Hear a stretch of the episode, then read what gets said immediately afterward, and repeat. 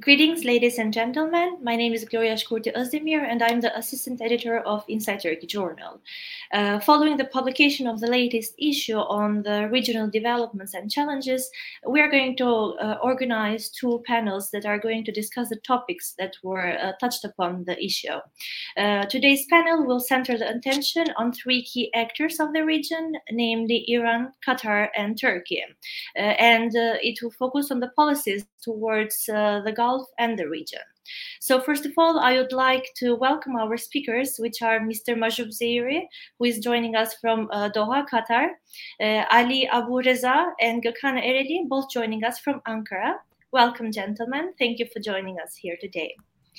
Uh, the regions surrounding Turkey, in particular the Middle East and the Gulf, uh, due to its highly strategic position and also uh, rich natural resources, have always been in the center of attention uh, for the global and uh, great powers. however, unfortunately, at the same time, these regions have been in the center of attentions for conflicts, crisis, political instability, and sectarian politics. Uh, with that said, Iran, Qatar, and Turkey have always been important actors in the region and deserve a special attention in understanding their policies.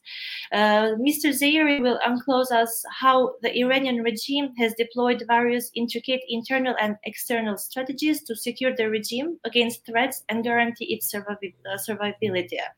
Mr. Reza, on the other hand, will focus on Qatari position in the region and review the dynamics and geopolitical interests that drove Doha to embrace a pro policy, pro change policy. Uh, and our last guest, Mr. Gökhan Ereli, will focus on Turkey's Gulf relations and the latest developments in that regard. Uh, so, without further ado, I'd like to introduce our first speaker, Mr. Mahjoob Zweiri. He is a director of the Gulf Studies Center and associate professor at uh, Qatar University.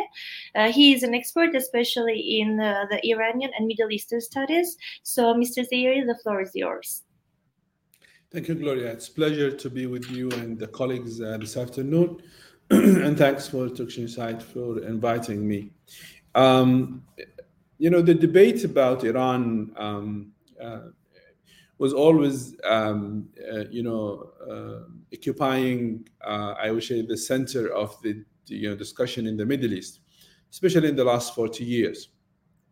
And this debate um, was always, um, you know, uh, paying more attention to um, regional role, um, what Iran is doing in the region, um, and why Iran is doing this in the region, why Iran has a nuclear program, why um, you know um, uh, why Iran behave in such um, political way in the region.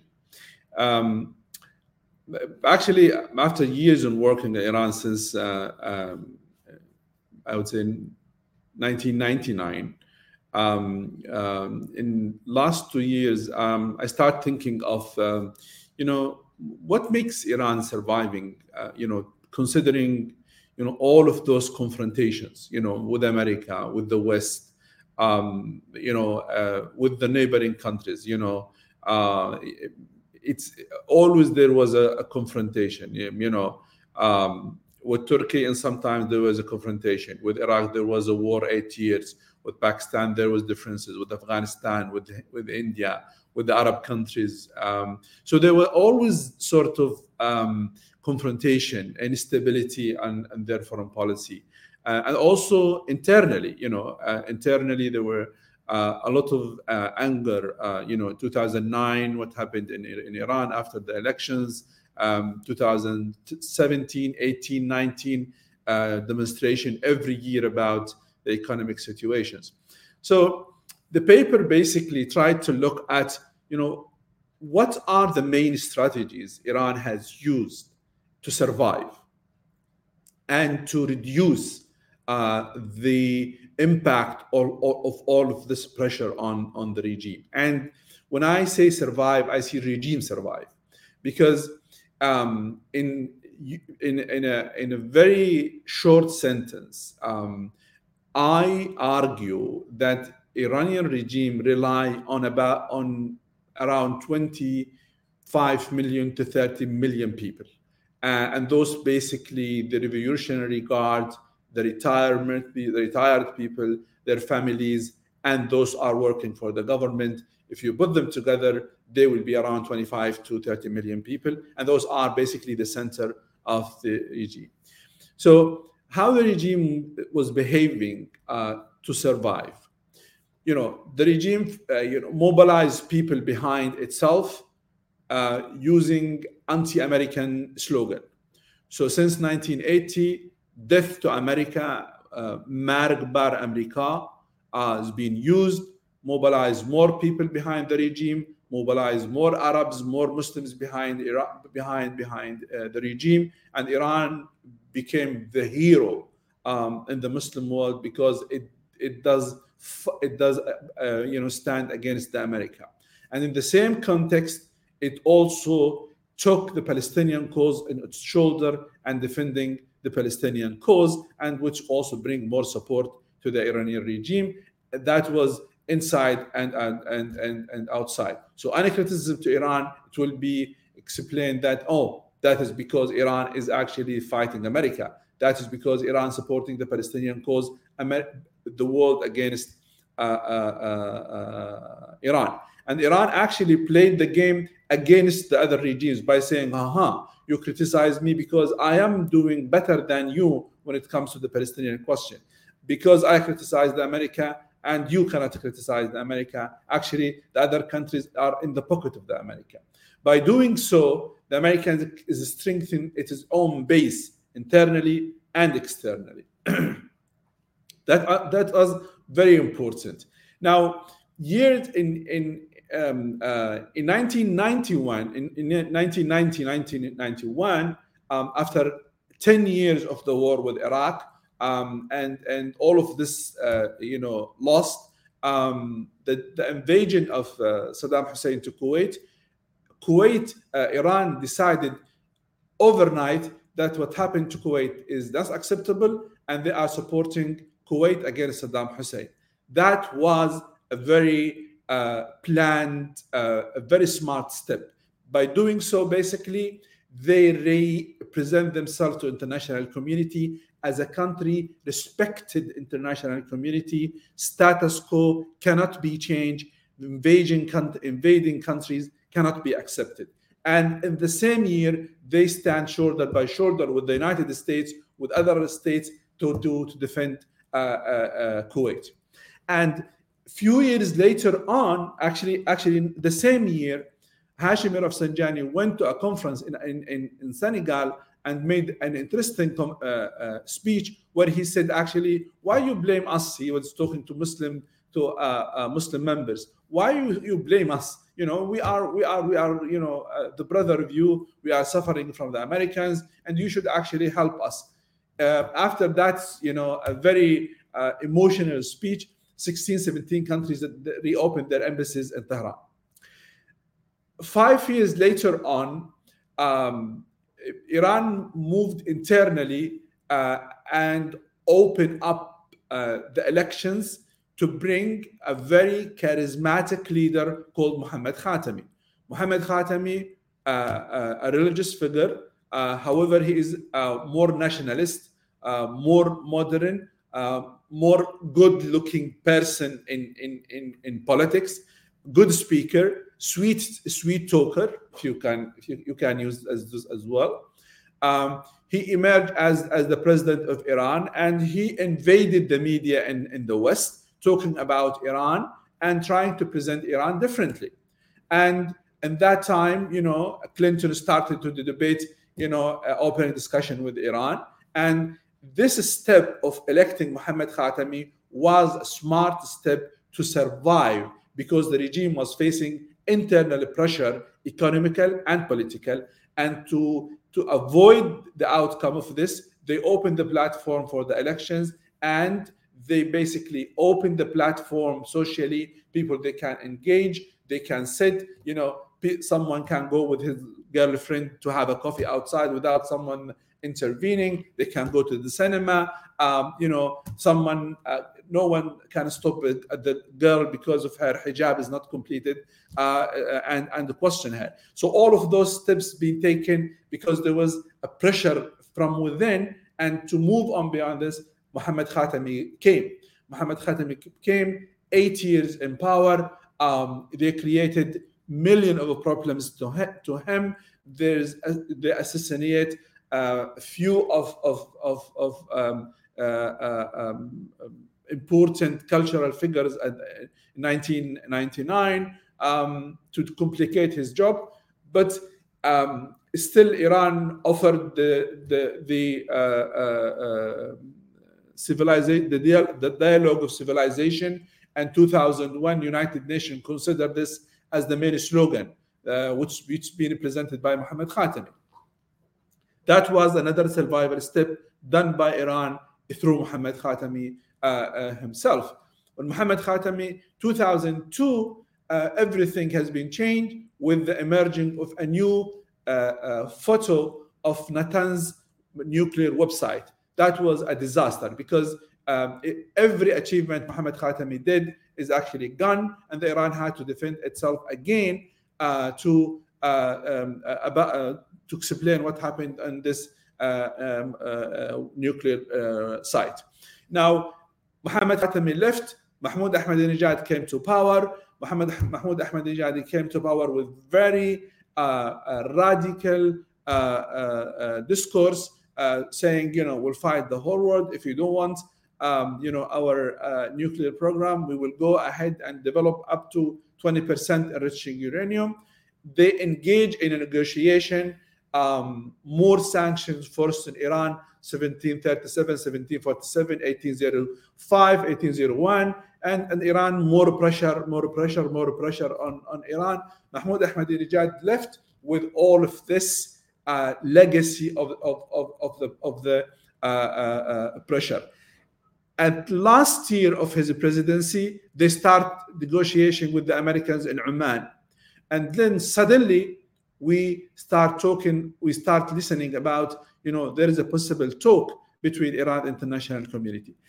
The discussion between Iran and 5 plus 1 was another survival strategy to the regime to, to achieve two things. One, to tell the Iranian that, look, I do what I should not do, which is I hate the Americans. I don't want to talk to the Americans, but because if you, the Iranian, I want to solve your economic problems, I will talk to the Americans.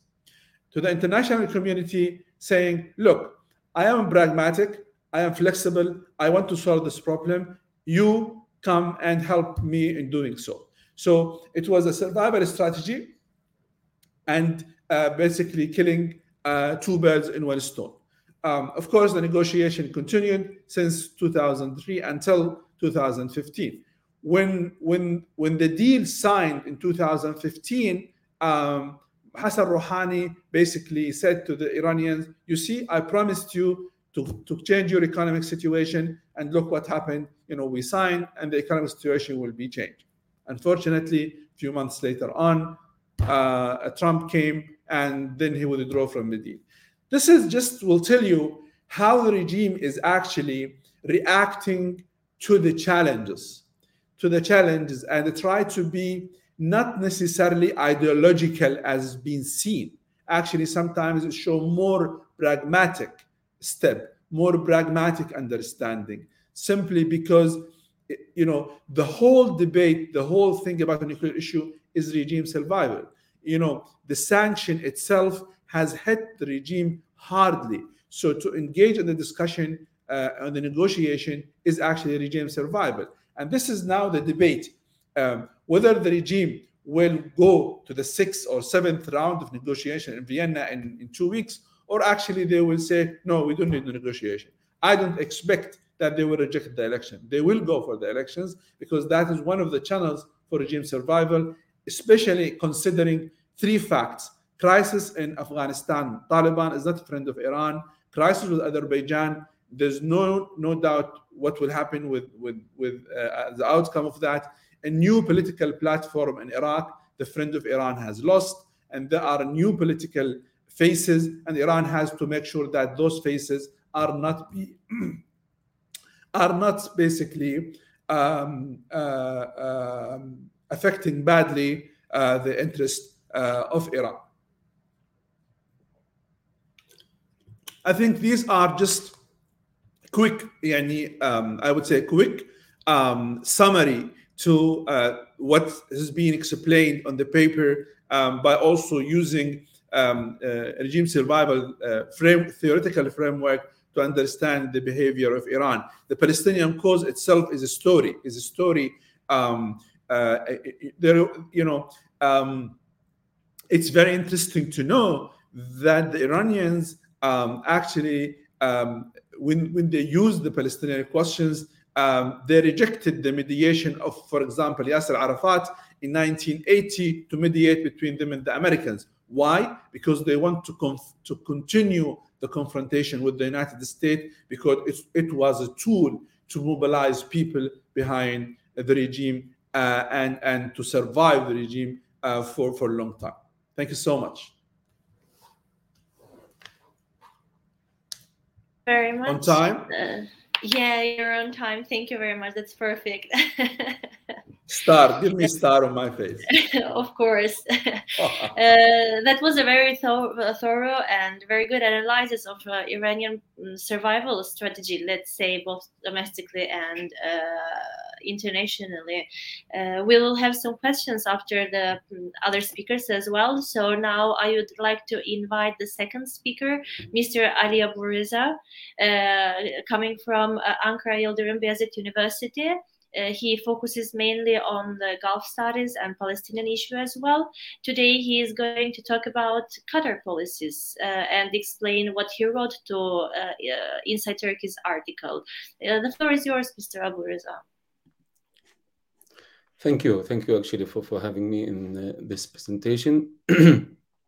actually, at the beginning, according to your panel, I'm, I'm going to talk about the latest developments of the Qatari foreign policy, and then I'll try to connect these developments with, with my article published for uh, Insight Turkey. Uh, the latest three developments, actually, I'm, not, I'm going to focus are the Qatar-sponsored talks between the U.S. and Taliban, which, as as uh, I see, Qatar emerges as the regional or the biggest regional winner of the Afghan uh, endgame. Then the, the uh, country is having the first ever Shura Council in the country's history, with the elections actually went smoothly. Also, at the, at the, at the latest, we have significant meetings and visits on the regional level. Uh, Jordan, Jordan, Jordanian King Abdullah has just arrived to, to, to, to Qatar two weeks before, and meetings between Saudi Arabia, leaders and Qatari officials, UAE, United Arab Emirates, and Egypt the first uh, uh as why why Qatar is the biggest winner of the Afghanistan end game. Uh, first, Qatar made a blow, a big blow actually to, to its competitor in the region, which is the United Arab Emirates, as the United Arab Emirates was the first country in the Gulf to offer hosting the, the U.S. Taliban talks in 2018, and this bid unfortunately was, was totally failed why it, it uh, succeeded in Qatar and didn't succeed in the United Arab Emirates, two are Gulf states, the two are rich countries, two are Muslim countries, and the two countries are allies with the US. It has something to do, and this is something I, I, I spoke in detail in, in, in, in my uh, article. This is the negotiation environment. It's the cultural uh, uh, factor, the cultural effect. I, think the Taliban leaders feel themselves they are negotiating in how can I say in in, in a hostile environment to, to the Islamic uh, political Islam movements in the region and, and across the globe, which they didn't feel the same when they were negotiating with the US in in, in uh, Qatar. And and uh, then uh, uh, Qatar has has proved itself as an honest uh, broker or, or honest mediator in the region, actually, since the rise of Amir Hamad, uh, uh the father, in, in mid-90s, Qatar has been spearheading a very active, not only active, it's a very proactive foreign policy. This foreign policy was culminated in a very successful mediation attempts in different places. Qatar succeeded in Sudan, in Darfur, between Fatah and Hamas, in Lebanon, between Hezbollah and Lebanese rivals, in Eritrea, Djibouti, and different places in the world. Unfortunately, this image as a, a, an honest broker or honest mediator uh, uh, in the region, this image was partially hurt, partially damaged by the Qatar foreign policy towards the Arab Spring. Qatar was the only Arab monarchy that uh, totally backed uh, the revolutionary uh, wave hit the Arab region since 2011. Qatar was taking a broad change policy in, in, in Yemen, in, in Tunisia, in Syria, in Egypt, and Libya, and different places of the Arab world. The success of the Taliban US agreement reaffirmed that Doha can do something big regarding the mediation efforts in, in, in the region and even across the globe. Doha became an honest and trusted mediator for the US and the political Islam movement uh, movements in, in, in the region as I mentioned, the alliance between Qatar and the US is, has been boosted, fostered with the US due to these developments. And it showed actually the failure of, of the bids, mainly for, for, from the neighboring Arab monarchies, the, the, the, the bids of, of these countries to demonize Qatar, demonize Qatar and show it as one of the states sponsoring terrorism in, in, in the region. Many of the lobbying groups actually in the US were paid high to, to show that Qatar is a state sponsoring terrorism during Trump's era, for, for, for, for sure. This proved to be a close, trusted ally to the US. Qatar proved to be a gate for the Western uh, powers planning to have good ties with the Islamic uh, uh, uh Islamist groups in, in the region, the, uh, a gateway for countries looking forward, uh, back channel talks with the Islamist groups and a gateway uh, also for the Islamist groups want to hold back channel talks with the Western powers and the US in, in, in particular. Uh, uh, it, it also uh, showed that Qatar, uh, uh, how can I say, as it mentioned, it's mentioned by many writers, I'm, I'm, I'm totally rejecting this view, as, as Qatar if having insatiable appetite for backing Islamist groups in the region. No, actually, which is Amir Tamim spoke to, to Christian Amanpour in, in, in just four or five years ago in an interview in the sea. And, he asked that the both parties, the two parties, the US and Western powers in, in, in one side, and the Islamist groups at, at, at the other side, both are uh, wanna take advantage of Qatar as a trusted mediator to, to, to uh, hold talks. Qatar as well uh, uh, uh, is, is proving itself as a gateway for regional powers and even the EU who have future interests to, to have ties with, with, with Afghanistan's Taliban. For, for Turkey, Saudi Arabia, and to a lesser extent, Egypt. Those countries, for sure, Turkey, Saudi Arabia, and Egypt, uh, uh, wanted to, to use Qatar as a key to outreach the Afghan powerful actors in the future, which would help Doha and increase its influence as a pivotal and unsurpassable political uh, player in, in, in the region. Turkey won the airport and the humanitarian issues there in Afghanistan. Saudi Arabia looking for more influence in the country, security cooperation with Taliban, and Egypt, for a lesser context, Egypt wanna have security cooperation with the Taliban regime. You know very well that we have Egyptian remnants there who were fighting uh, for, for, for Al Qaeda, for, for, for Daesh in, in, in Afghanistan, Egypt somehow wanna have contacts with, with, with, with, with the Taliban. This is the first for, for the Afghanistan in game. Now for the Shura Council, Qatar, just uh, uh, uh Qatari people elected this month. For example, first, this, this Shura Council is the first elected council or parliament in the country's history, which is how can I say, a symbolic democratic step in an absolute monarchy. The move has nothing to do with plans for going to constitutional monarchy for sure, but it aims at least to increase the people's participation in the political process, which is a very good, uh, how can I say, uh, goal. Uh, uh, uh this entitlement, entitlement actually came as Qatar had been for a long. Qatar as a country supporting the, the, the, change or the revolutionary change in the Arab world, at least it has to do something regarding democratic process from, from, from inside.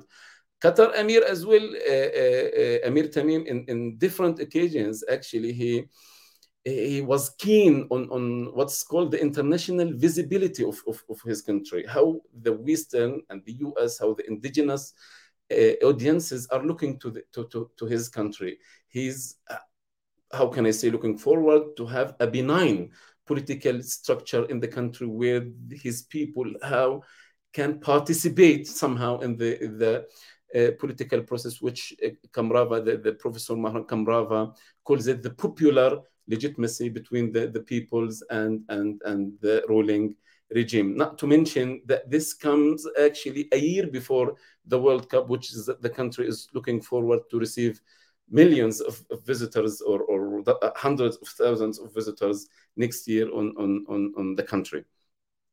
As the Qatari uh, Foreign Minister Mohammed bin Abdurrahman Al Thani called this actually this democratic uh, experience as an experiment in the future of the country. The third actually dynamic I'm, I'm uh, focusing on is the shuttle diplomacy, the Doha and its neighbors having these months. Uh, there is was a very successful meeting between the Qatari Emir and Egyptian President Abdel Fattah al-Sisi. Uh, uh, visits to, to with and meetings with Mohammed bin Salman, meetings with Tahnoun bin Zayed, the, the, the intelligence chief of, of the United Arab Emirates, and a very successful actually visit from, from the Jordanian king to, to Doha. I'm quickly gonna uh, uh, uh, how can analyze these meetings or, or shuttle diplomacy in the region between Qatar and its neighboring countries. Actually, Qatar needs Egypt the same Egypt need, uh, uh, needs uh, Qatar. Qatar has large investments in the country in Egypt and regional players, most importantly Qatar, know very well the Egyptian political, cultural, and economic weight. There is Egyptian active role in the Palestinian cause, which Qatar cannot ignore. And we have hundreds of thousands of Egyptian people working in, in Qatar. And one of the main dynamics, actually, and this was mentioned in my article, uh, one of the main dynamics behind the Qatari support for the Arab Spring actually to have footprint in, in Egypt, which Saudi Arabia in the past was blocking any Gulf country, mainly Qatar, not to have any influence in Egypt. Qatar was looking forward having anything, any political influence in the post-Arab Spring Egypt. And as, as you all know, now Qatar has to deal, has to cooperate more with the Egyptian current regime, given the fact that the Egyptian opposition is fragmented and has no vision and has no strategy for, for the upcoming years. For Saudi Arabia as well, Saudi want to benefit of, of the Qatar's close ties actually with Taliban, as I mentioned. So the officials hailed the successful diplomacy done by Qatar in, in, in the Afghanistan endgame. And we have uh, two days before published art, a published uh, interview with the Saudi ambassadors in, in Doha. He was hailing the successful Qatari diplomacy he was saying that Qatar is becoming a model. Yes, the Saudi ambassador is saying Qatar is becoming a model for us in the effective uh, uh, diplomacy, as this diplomacy is fostering uh, cooperation among the GCC country, uh, countries. Uh, Saudi Arabia as well is having is under pressure nowadays, under pressure of at one hand of, of opening the Saad al-Jabri issue in, in, in the US, under US pressure because of the human rights violations in Yemen and because of the attacks of, of Houthis on its territories. So the royals know very well that Qatar can help in, in this regard in improving ties with Iran and solving the Yemeni crisis, crisis for, for the near future. Very uh, uh, significant factor actually is also the World Cup of 2022, the next year. And this is the Saudi ambassador in Doha focused on he said exactly we are ready to help doha in any way possible to make the world cup. This important sporting event succeed which is something if, if for example something went wrong goes wrong i think saudi arabia might or qatar might ask the saudi help in this regard which saudi for sure is gonna uh, uh, uh, help.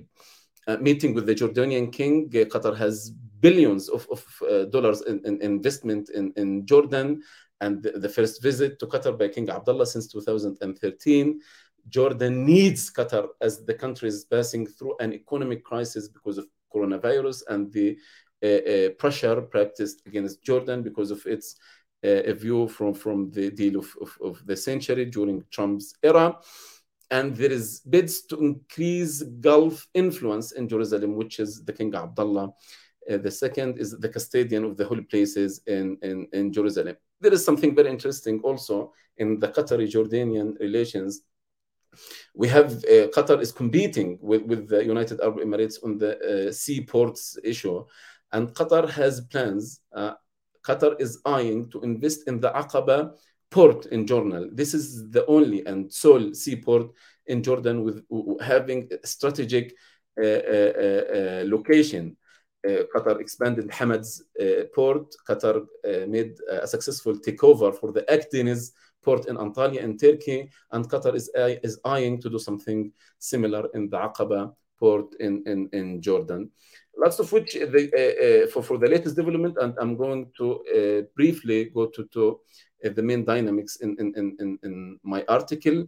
Uh, uh, why the UAE officials are visiting uh, Qatar and the, the, the, Qatari officials visiting United Arab Emirates. Qatari FM foreign minister was in Abu Dhabi just two weeks before this shows actually the failure of the United Arab Emirates strategy towards Qatar, the failure to defame Qatar and de demonize Qatar. And it, it has something to do with the end of the Trump's era and the US direction to reduce military presence in the region. And actually, there is something uh, new in, in the United Arab Emirates foreign policy to foster economic ties, economic ties with neighbors, mainly Turkey, Iran, and Israel. Uh, uh, also, there is something very important. There is a Saudi decision to withdraw, to move the international companies uh, or regional headquarters of the international companies from Dubai to Riyadh, which actually will badly affect the, the uh, Abu Dhabi's economy. Today, for example, today in the morning, 44 companies left uh, uh, Dubai for the Saudi capital, Riyadh. at at last, uh, uh, there is uh, actually a strife, there is thirst, strife for regional power from, from Qatar that was coincided with the rise of the two Hamads, the father Hamad bin Khalifa and the, his uh, strong uh, Prime Minister Hamad bin Jassim Al Thani, and this tribe actually was kept after the, the rise of uh, Amir Tamim in 2013. This is something, it has something to do with the personal diplomacy uh, which which Henry Kissinger uh, mentioned in his book Diplomacy that personally personality matters in, in, in taking decisions in, in, in the political affairs. Actually, it showed the soft power, the Qatar soft power of Al Jazeera, think tanks, tourism centers, research centers, uh, Qatar Foundation for Education, Qatar Charity, how those people, how the Qatari elite, how those people are investing in their capabilities and their financial capabilities in particular. We have other Gulf countries, we have Kuwait, we have Oman, we have rich Gulf countries, but um, they don't take advantage of the capabilities, the financial capabilities they have as Qatar does. The place Qatar has in the regional and international arena actually it has something to do with challenging Saudi hegemony over the Gulf. I'm calling it challenging Saudi hegemony, not competing with the Saudi Arabia. Qatar is competing with the United Arab Emirates, but it cannot compete with, with Saudi Arabia. It is challenging Saudi hegemony over the Gulf, as Saudi Arabia is the biggest sister or the mother of, of, of, of uh, the Gulf. Uh, uh and Qatar wanna keep its independent foreign policy, and if this foreign policy contradicts with the Saudi foreign policy, it doesn't matter. It wanna adopt its independent foreign policy that serves the Qatari and only Qatar national interests. And actually, as I mentioned, competing with the Emirati ambitions in the region, ties with the US and Islamist groups, as I mentioned, gateway for the back channel talks. And also one of the Doha's uh, key geopolitical goals was to play on the regional contrasts with a view to gaining the trust of the confluential parties, mainly the US and Islamists, as I mentioned. You got Qatar emphasizing on different occasions that, for example, Hamad bin Jassim and the, the, the, the Qatari foreign ministers and Emir Tamim, in different occasions, they mentioned that they believe, the country leaders believe that Islamists should uh, share power within the respective countries they have. If Islamists win democratically and in, in, in peaceful ways, then they have to share powers with, with, with the countries they, they, they are living in. That's why they got the Islamists' confidence in different parts of the region. And as I mentioned, there is a cultural and ethical dynamic haven for the oppressed or the Ka'bat al-Madyum, as it's mentioned in Arabic, as Qatar is uh, hosting dozens, if not hundreds, of opposition figures from different places in the region. Also, last minute, there are actually, as I mentioned in my article, there are many changes that took place in the international system and after the end of the Cold War and gave a space for the small countries, mainly Qatar, to play in the on the regional Uh, and international levels at the same time. Qatar also was among the few countries that they didn't feel the shock of the 2008 economic crisis. Also, there is the absence of the domestic threats. We have the GDP per capita of, of the Qataris is among the highest in the world. That's people. That's why people highly endorse the countries pro-Palestine, pro-Arab Spring, pro-change uh, foreign policy, which is called, as I mentioned, the popular legitimacy. Also, and and this is uh, my, my last point of view. We have thousands of Arab experts living in the country and give consultations to the ruling elite, to the ruling family. We have non-Qataris. We have non-Qataris. Uh, they, they are heading the big uh, think tanks, big research centers uh, uh in the country. It's not only the Qatari nationals that give consultations or give ex expertise to, to the royal family, experts from different nationalities in the Arab world. That's it. And for, from international experts as well. That's it. Thank you. Thank you very much, Alir. Uh, that was a very good presentation of yours and very informative as well. Uh, we'll we'll come back together to the questions uh, section of the panel, but now we are going to go to our last speaker, speaker Mr. Gökhan Ereli. Uh, he is the coordinator of Gulf Studies in the Center for the Middle Eastern Studies. His academic interests include the Middle East policies, and uh, he will focus on the developments regarding Turkey and Gulf relations. Uh, the floor is yours. Thank you. Thank you, uh, Gloria. Uh, thank you for the invitation uh, for this great panel, and uh, thank you for the opportunity to talk about recent issues uh, with esteemed uh, Dr. Mahjoob Zweiri and uh, Ali Rezek also. and thank you for thank you for them for their insightful and enlightening presentations. I would like to talk about the recent uh, relations between Turkey uh, and the Gulf uh, for the next 20 minutes period. I believe it is unnecessary to make a long presentation in a short time and listing all the developments from the 2000s to now. Instead, uh, my presentation will be more uh, about the uh, will be more about the post 2017 period in the relations between Turkey and the Gulf. between the relations between the relations Gulf countries and Turkey, uh, from an analytical point of view, uh, let me walk you through the uh, implications, repercussions of the recent political, social, and military relations between Turkey and Gulf. Uh, relations between Turkey and Gulf countries have uh, witnessed important uh, developments in recent periods also. after the Arab popular movements in 2010, bilateral relations between Turkey and all the countries in the Gulf uh, all the GCC countries uh, came to the regional fore uh, frequently in 2017, in 2018, and in other developments. we see a uh, downs and turns uh, in the relations between Turkey and the Gulf, uh, just as relations between Turkey and the Gulf were redefined after the 2010 Arab popular movements. There are reasons for this redefinition in local, regional, and international terms as of 2017 and also 2021 in this period that we are in. Uh, looking at the issues uh, facing the region uh, in a way that capitalizes only Gulf's view or only Turkish foreign policy's view toward the Gulf will complicate our understanding, first of all, will complicate our understanding of the issues.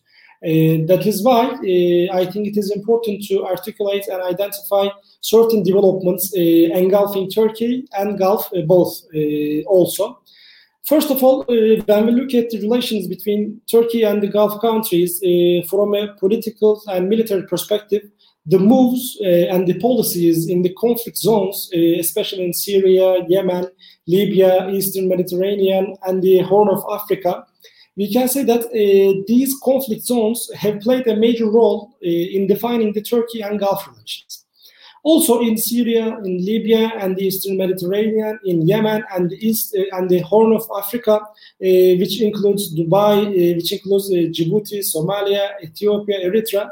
The relations between Turkey and the Gulf countries, especially Saudi Arabia, the United Arab Emirates, and to some extent Bahrain, the relations were conflicting in nature in the Horn of Africa. and although political partnerships in the Gulf uh, and motives uh, motives of the countries uh, to act together in the Middle East, uh, in the Gulf region, are uh, varied. Uh, there are many reasons for the countries for to act together. certain countries in certain countries in the Gulf have acted together since the 2010 Arab Popular Movements. as part of their post-Arab popular movements, we can say Saudi Arabia, United Arab Emirates, Bahrain, though not in the Gulf, Egypt, uh, supported military actors uh, and in this way hindered the popular demands in the conflict zone countries. also, if we come to the nearest recent uh, policies and the recent developments in the region. After 2018, uh, we see that the United Arab Emirates, uh, following Bahrain and Bahrain and United Arab Emirates, in a more correct fashion, opened their diplomatic representations in Syria. Saudi Arabia also uh, recently carried out certain detent activities against the Syrian regime. Uh, however, Turkey, on the other hand, uh, followed a policy in Syria that is more in the framework of national and regional security and humanitarian aid. Uh, for now, uh, we can uh, confidently say that there is no consensus between Turkey and the Gulf uh, countries uh, on the future of Syria. Also in Yemen, uh, in Libya, uh, and the Eastern Mediterranean, Turkey has faced, especially uh, two years ago, especially uh, one year ago, Turkey has faced serious Gulf countries, the serious setbacks and repercussions, responses for Gulf countries. the Gulf countries in Libya, we know that supported Haftar in Libya and failed to achieve a, a durable post-terrorism. Uh, and they are not in Libya. The Gulf countries are not in Libya as they once were uh, now. Uh, also, in Yemen, the Gulf countries supported the legitimate Hadi government, but Saudi Arabia and the UAE, the first two countries of the uh, Arab coalition that is intervening in Yemen had a serious policy differentiation in Yemen, uh, with the UAE opting for a divided Yemen uh, by channeling aid, money, and legitimacy for the Southern Transitional Council. Uh, also, Turkey in Yemen, in Libya, and Eastern Mediterranean have acted towards the uh, towards the solution of the crisis, solution of the uh, peace uh, in these uh, areas. Also, although Turkey is in line with Hadi government and the legitimate authority in Yemen, there is no consensus between Saudi Arabia and United Arab Emirates over a possible role of Turkey in Yemen. Uh, that is why there is a, a recent uh, dispute about the Yemen issue. of course, before the 2021 normalizations period. in the Horn of Africa, we can say that a commercial uh, and geopolitical competition uh, continues uh, between Turkey and the Gulf countries uh, over the ports of these countries, as Dr. Ali has uh, recently emphasized, uh, with the United Arab Emirates, especially at this point, with the help of Dubai Ports World company, DP World, is acquiring many ports and has many investments there, especially in Somaliland, in Puntland, and in Eritrea, though they have withdrawn their personnel and equipment from Eritrea for a close time ago, for a uh, Uh, nearly. Of course, uh, it should not be forgotten that uh, there is an international struggle uh, over the Horn of Africa, not only on the Turkey Gulf line, but also a competition, but also a regional and global competition, uh, including United States, Russia, China, France, and Italy. also, therefore, the activities in the conflict zones, such as Yemen, Eastern Mediterranean, Syria, Horn of Africa,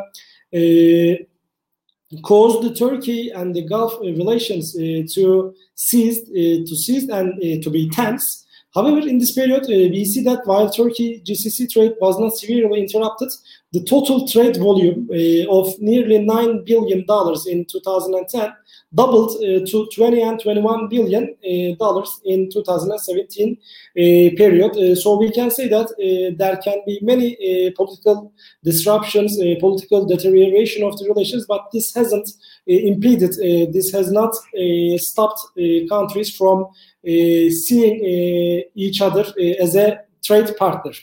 In the second half of the 2010, uh, after the Arab popular movements, there were many important developments in the region, affecting both Turkey uh, and affecting both the Gulf as well.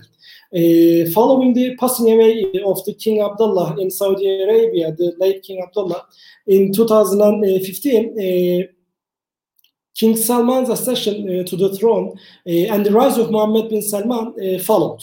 also, in coup attempt in Turkey was successful overthrown, and there were allegations and claims, especially at the level of high visits of Turkey, high levels of officials from Turkey, that there was an involvement by some Arab Gulf states, which is basically the United Arab Emirates, uh, the, also, uh, another process, uh, another development affecting both Turkey and Gulf was the Qatari embargo. as you know, Saudi Arabia, United Arab Emirates, Bahrain, and Egypt, and also, of course, certain Arab countries initiated an embargo against Qatar, and this has led to a regional landscape that is more conflicting uh, in the both local, both uh, national and also international levels. Also, the another issue is the murder of Jamal Khashoggi uh, and the international outrage it created. Uh, also, there is this another important development which is also affecting Turkey and Gulf regions uh, is the fact that the United Arab Emirates uh, and Israel uh, relations were normalized. Uh, especially after Egypt and Jordan uh, many times ago, 25 years ago. the first country to normalize relations with Israel was the United Arab Emirates, uh, and this is followed by Bahrain, uh, Sudan, and Morocco. Uh, also, uh, Trump era U.S. withdrawal uh, from the Iranian nuclear deal and the policies and other developments prioritizing Saudi Arabia, United Arab Emirates, Bahrain, and Israel in the Middle East during the Trump era were actually important developments that can affect that affected Saudi Arabia and United Arab Emirates' relations with Turkey. Uh, also, another development was the fact that uh, there was a, also there has been a recent implications of COVID-19 global pandemic and also the economic shrinkage uh, status and economic uh, uh, situations of the Gulf countries were declined and deteriorated to a great extent. in addition to the struggles in the conflict zones between Turkey and the Gulf countries, it should be noted that uh, Turkey and the Gulf countries uh, went through serious tense periods uh, after 2017 as well. Uh, the main fundamental uh, reason for the strained relations with the UAE and Turkey uh, was the claim that UAE provided financial support to the 2006 coup attempt in Turkey for nearly five years in the relations between Turkey and the United Arab Emirates. this has been the main agenda uh, in the in both countries' relations. Uh, also, Another issue is the Gulf crisis. Uh, as you know, Turkey stood by the solution uh, process, mediation, facilitation processes, and peace, uh, how to achieve peace in Qatar's embargo in the Gulf crisis, and also provided political, military, economic, and logistical aid and support to Qatar. also, in this time, Qatar strengthened its relations with Turkey and with the help of a Turkish military foothold, a Turkish military installments in around Doha. Uh, also, Qatar, uh, in this period, especially in the Gulf crisis period, Qatar uh, strengthened its relations with uh, Iran and United States as well.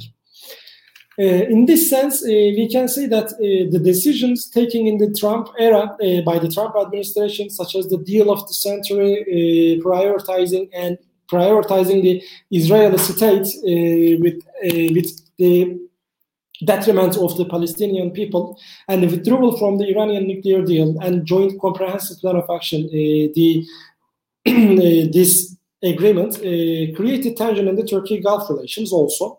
However, we can say that with the emergence of structural and regional developments, the active and interventionist attitudes of the Gulf countries in foreign policy somehow, to a great extent, deteriorated. I can, uh, I believe, we can make uh, this kind of an argument uh, at this point. and also, the most important regional effects is that Turkey started to use its national resources more actively in its foreign policy and also follows Turkey follows a more active foreign policy and military policy in the region. Also, this has led to regressions in the policies of Gulf in Syria, in Libya, and Eastern Mediterranean, and in the Horn of Africa. The two most important, other most important developments in terms of these developments, especially in the post 2017 periods, are the COVID 19 pandemic and also the Biden winning the US presidency, eh, especially Biden winning the US presidency, presidency affected the Gulf uh, to a great extent uh, in this period. After these regional and uh, international developments, a general political softening and normalization movements started in the Middle East. There were normalization in the Gulf uh, with the resolution of the Gulf crisis in El Ula in October to, uh, 2021. Uh, also, there were normalizations and political softening of the relations between Saudi Arabia and uh, Turkey, between Saudi Arabia and Qatar, between Saudi Arabia and Iran also, and between also uh, maybe the most important one, softening of the relations between Turkey and UAE is happening now. Uh, Turkey and Gulf uh, relations uh, initially began to improve uh, following the end of the Gulf crisis in Al Ula uh, in Saudi Arabia. In this sense, normalization period, the normalization trend that started between Saudi Arabia and Qatar continued with a regional uh, trend, continued with a regional uh, scale, I can say. Besides Turkey, Saudi Arabia, sorry, uh,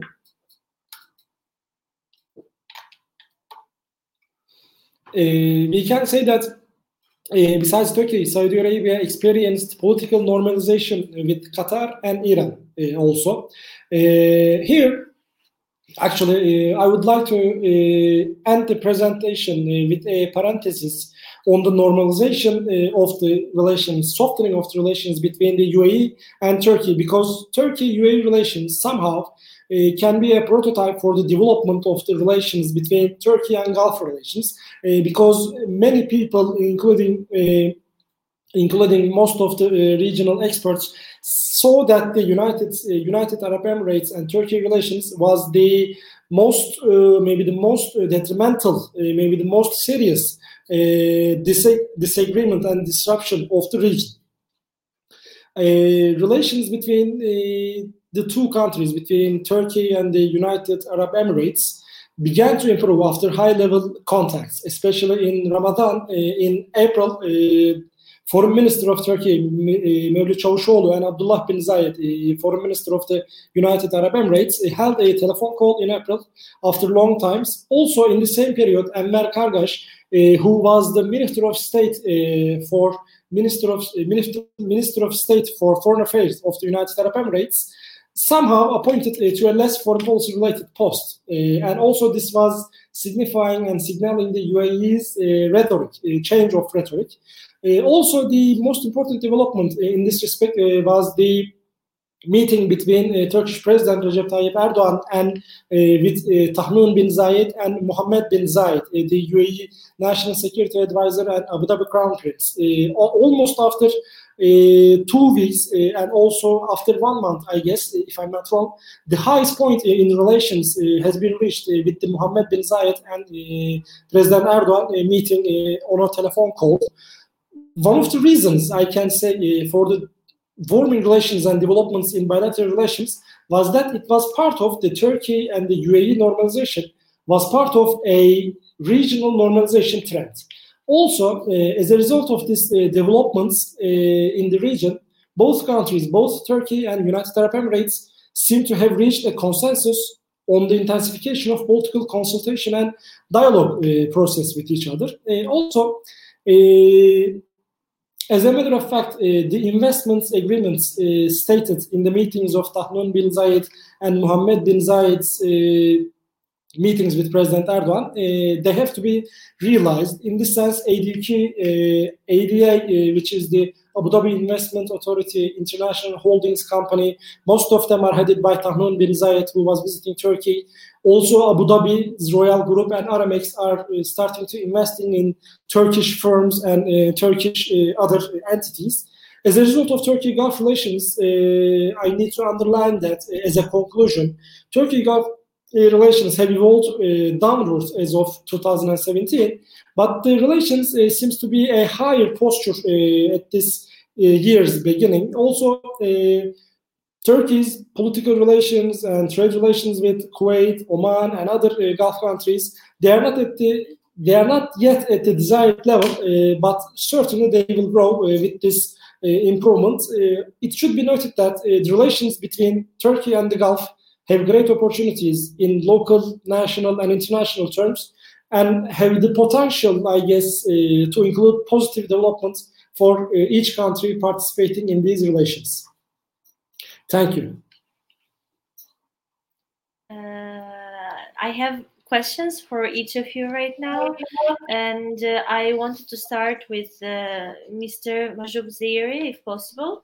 Uh, as you mentioned uh, in your presentation, you, you said that Iran is facing now several threats or challenges, let's say, such as in the case of Afghanistan or Azerbaijan crisis. So I was wondering uh, how may or how will these challenges impact uh, Iran-Turkey relations in the future? Because we know that Turkey is involved in, in this crisis as well. I think um, uh, Iran is um, very cautious um, on uh, how to handle the matters where Turkey is involved. Um, uh, for example, uh, when it comes to Azerbaijan, um, they have they are facing another challenge with Russia, uh, and that's the reason why they have to calculate their steps uh, carefully. Um, uh, and also, they um, they when it comes to Afghanistan. They know also that um, Taliban uh, did open a communication channel with with with Turkey, um, and um, that communication could also have impact in the future. Um, so I think um, Iran trying to test the water before having any uh, action when it comes to those files, and also they are observing what will be the Turkish reaction to the new changes on the government in, Tur- in, in Iraq, um, especially uh, when it comes to the two Kurd to the Kurdish uh, party, parties. Um, in, in, in summary, um, always um, Iran um, becomes very cautious uh, when it comes to the uh, handling any issue where Turkey is involved on. Um, they don't want to lose Turkey at all. Uh, they try to manage any crisis with Turkey.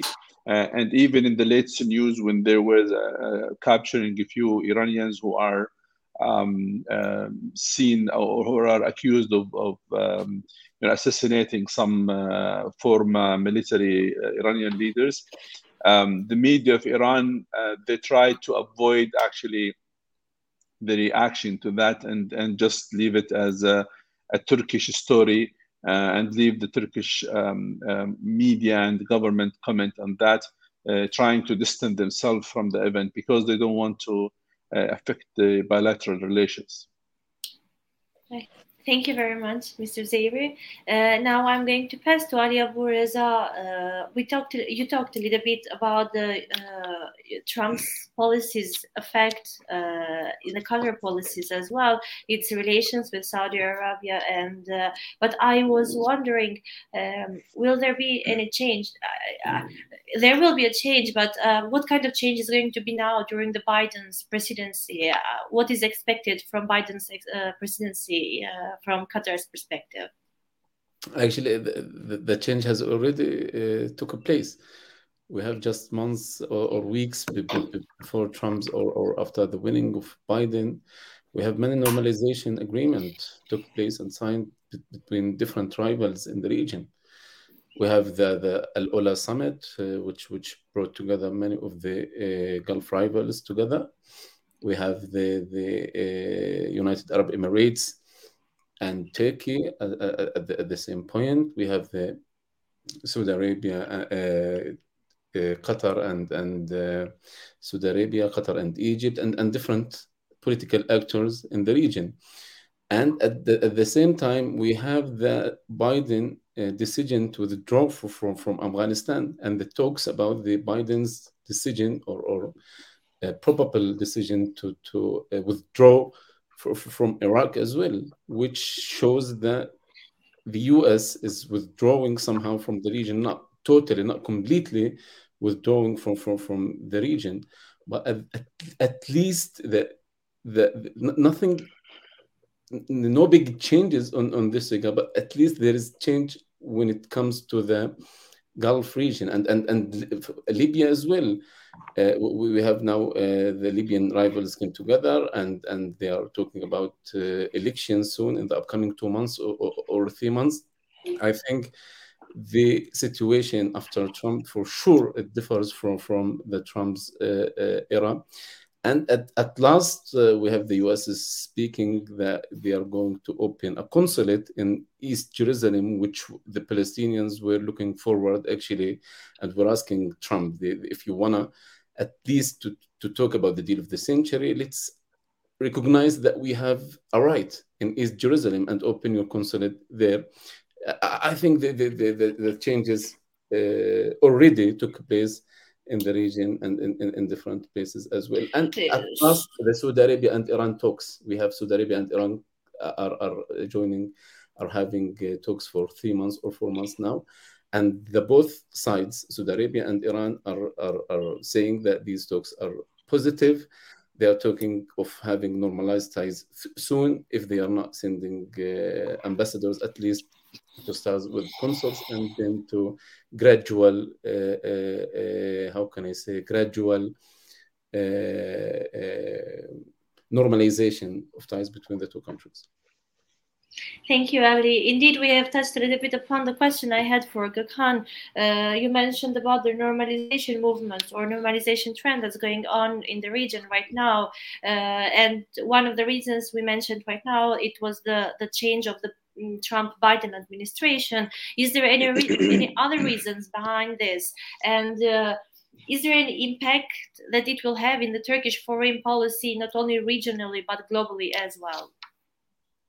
Uh, thank you, uh, Mr. Ms. Gloria. Uh, I can say that uh, there are, of course, uh, of course, uh, there are many reasons for this normalization trend in the Middle East. one of the reasons for that is the economic, how can I say, the economic shrinking uh, of the situations uh, because of COVID-19 periods. Of also uh, the interventionist and the more aggressive foreign policies of Gulf states uh, actually deteriorated uh, with the with the economic uh, situations created by COVID-19 period. also, this how can this period of normalization between normalization between Israel and the United Arab Emirates and also the normalization in a regional sense can affect Turkey's uh, relations with the Gulf, I can say that uh, normalizations uh, at this level uh, seems to be a quite uh, happy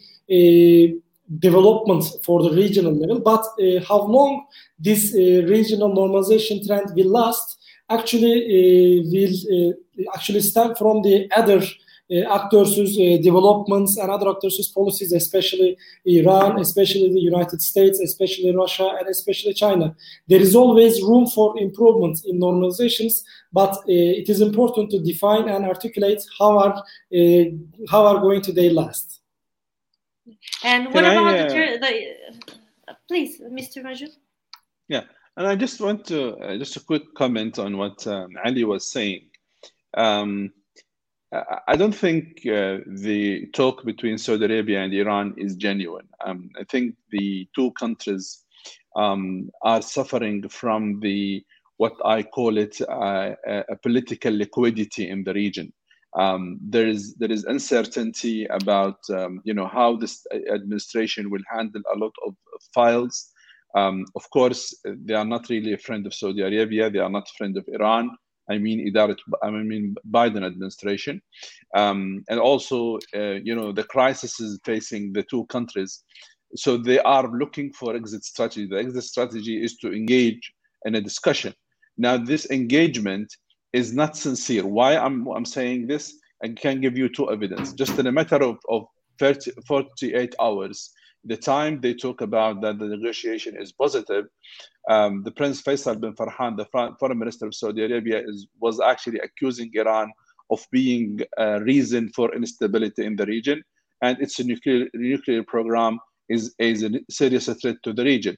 And he asks five plus one, the group, uh, to uh, uh, focus on the regional role on the negotiations uh, uh, in next round of the negotiation. So I don't think it's is genuine, uh, you know, effort to reconciliate. I think they are buying time to see where things are moving, where things are heading, especially the Saudi Arabia is facing real challenge with with with with situation in Yemen.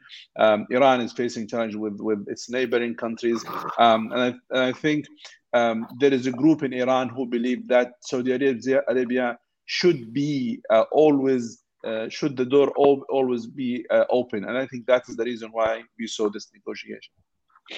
Thank you. Thank you very much. Uh, it was a very fruitful uh, panel, let's say. Uh, I really enjoying your time, the time here with you. I hope we have other cooperations in the future. have a nice day. Thank you very much. Thank you so